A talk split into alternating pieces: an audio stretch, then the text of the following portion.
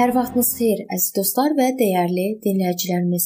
Hər kəsi salamlayıram. Mənim adım Sona və sizi Allahla 5 dəqiqə adlı podkastımızda xoş gördüm. Bu gün biz Rəbbi unutmağımızın növbəti səbəblərini araşdırmağa davam eləyirik. Əslində bilirsiniz, bizim əlimizdə olan gündəlik varlığımız qidalanmaq üçün lazım olandan artıqdır. 1-ci Timoteyə 6-cı fəsil 8-ci ayədə yazılıb: Yeməyimiz və paltarımız varsa, bunlarla kifayətlənirik. Biz qane oluruq. Belə düşünürük. Gəlin göz açıq olaq. Çiçəklənməyimiz də bununla əlaqədardır. Qanunun təkrarı 8-ci fəsil 13 və 14-cü ayədə Allah İsrail xalqına xəbərdarlıq edir. Naxırınız, sürünüz çoxalanda, qızıl gümüşünüz və hər şeyiniz artanda ürəyiniz qürurla dolmasın. Diqqət edin ki, sizi Misir torpağından, köləlik diyarından çıxaran Allahınız Rəbbi unutmayasınız. Bizim bugünkü vəziyyətimizə oxşamırmı? Hətta gənclərin də qızıl gümüş qazanmaq üçün imkanı var.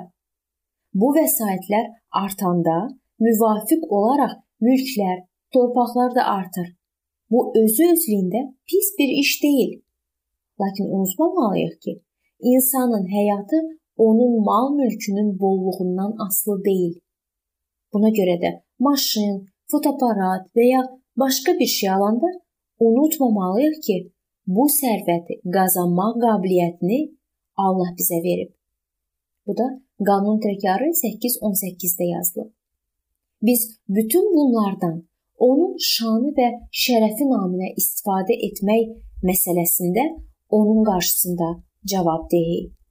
İşlərimiz yaxşı gedəndə də Allahı unuda bilərik.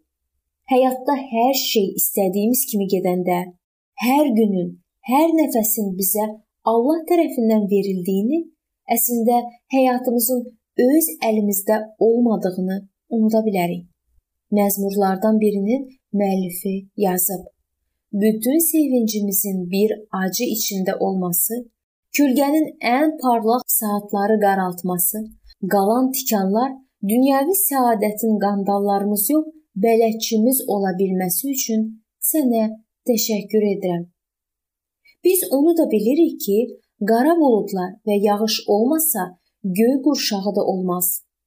Həyatdakı sevinclərimizə görə Allaha şükür olsun. Ondan cəsarət istəyin ki, həyatınızda olacaq o kölgə və tikanlara düzgün reaksiya göstərəsiniz. Unutqanlığın zərdabı nədir? Özünüzdə əsasında hər bir sahədə şəxsi təvəzzökarlıq dayanacaq həyat mövqeyini formalaşdırıb inkişaf etdirin və unutmayın ki, biz dəyərsiz bir quluq. Sizə verdiklərinə görə Allaha hər gün şükür edin.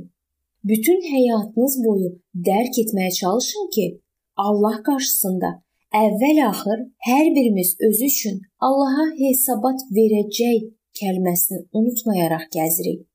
Bu Romalılara 14-cü fəsil 12-ci ayədə yazılıb. Vaiz 12-ci fəsil 1-ci ayədə də deyilir: Cavanlıq günlərində səni yaradanı xatırla. Əziz dostlar, gəlin hər zaman Rəbbin bütün ömrümüz boyu bizə etdiklərini unutmayaq. Hər zaman onun huzurunda olaq.